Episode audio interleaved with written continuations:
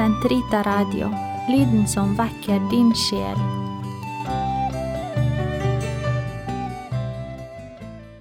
Den katolske kirkes katekisme, uke 37, søndag 2838 2845. Forlat oss vår skyld, som vi òg forlater våre skyldnere. Denne bønnen er egnet til å forbause. Dersom den bare inneholdt første del av setningen 'forlat oss vår skyld', kunne den være underforstått i de tre første bønner i Herrens bønn, siden Kristi offer er til syndenes forlatelse. Men ifølge annet ledd i setningen vil vi bare bli bønnhørt dersom vi har imøtekommet et krav. Vår bønn er fremtidsrettet. Kravet må være innfridd.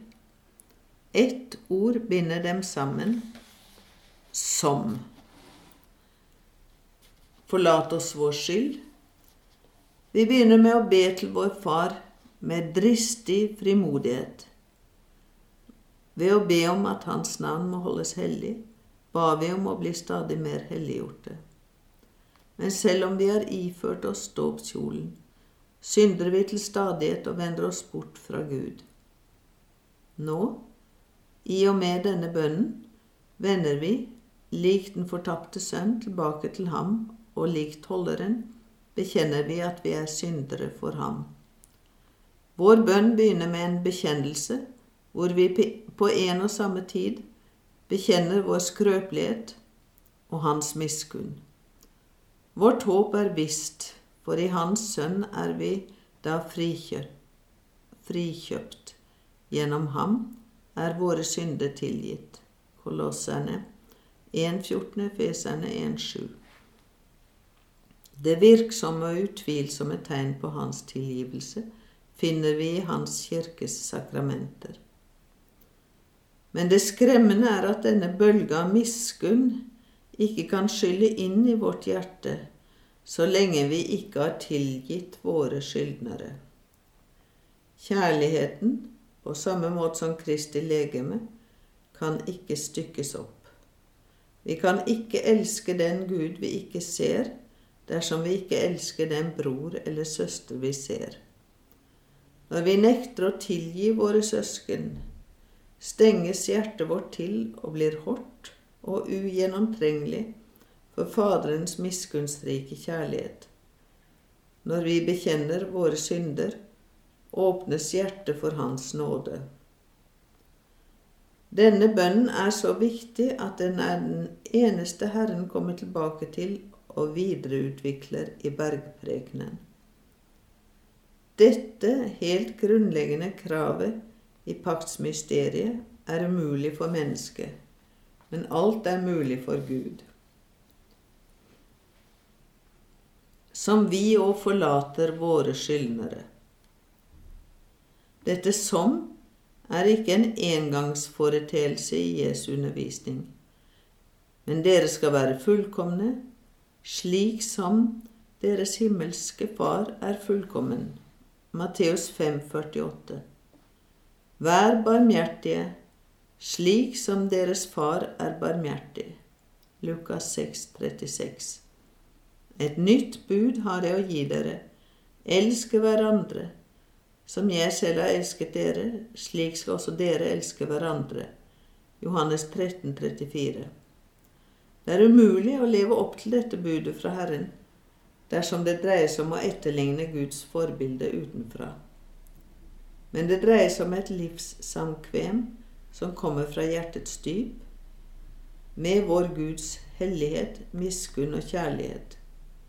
Bare Ånden, som er vårt liv, Galaterne 5.25, kan la Jesu Kristi sinnlag prege vår ferd.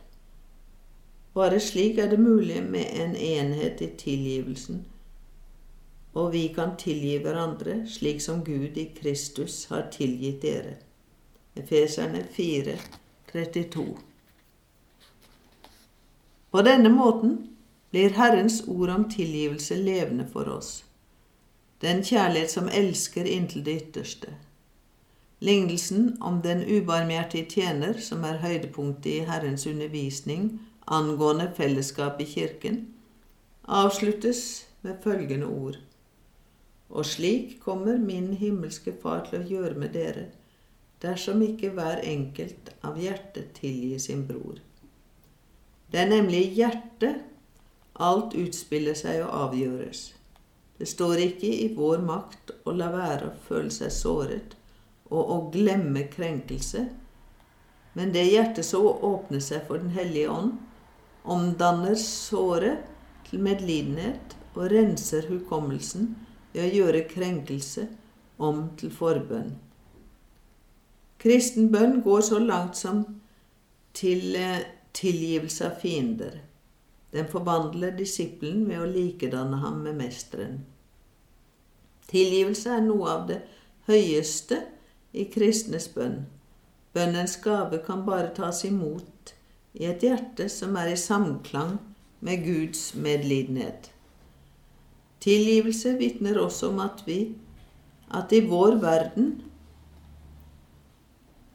er kjærligheten sterkere enn synden.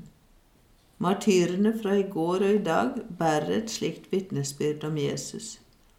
Tilgivelse er grunnforutsetningen for forsoning, både mellom Guds barn og deres far, og mann og mann imellom. Det finnes verken grense eller mål for slik tilgivelse, som i alt vesentlig er av guddommelig opphav. Dreier det seg om krenkelser, om synder etter Lukas 11,4 eller om skyld etter Matteus 6,12, er vi i virkeligheten alltid skyldnere. La ingen ha noe annet krav på dere enn broderkjærlighet. Romerne 13,8. Den hellige treenighets fellesskap er kilde og sannhetskriterium for ethvert forhold. Dette fellesskapet leves ut i bønnen, fremfor alt i eukaristien. Gud tar ikke imot offer fra den splidaktige. Han befaler ham å gå bort fra alteret for å forsone seg med sin bror, slik at Gud kan tilfredsstilles ved fredsommelige bønner. Det beste offer til Gud er fred og broderlig samhold oss imellom det folk som er forenet i Faderens og Sønnens og Den hellige ånds enhet.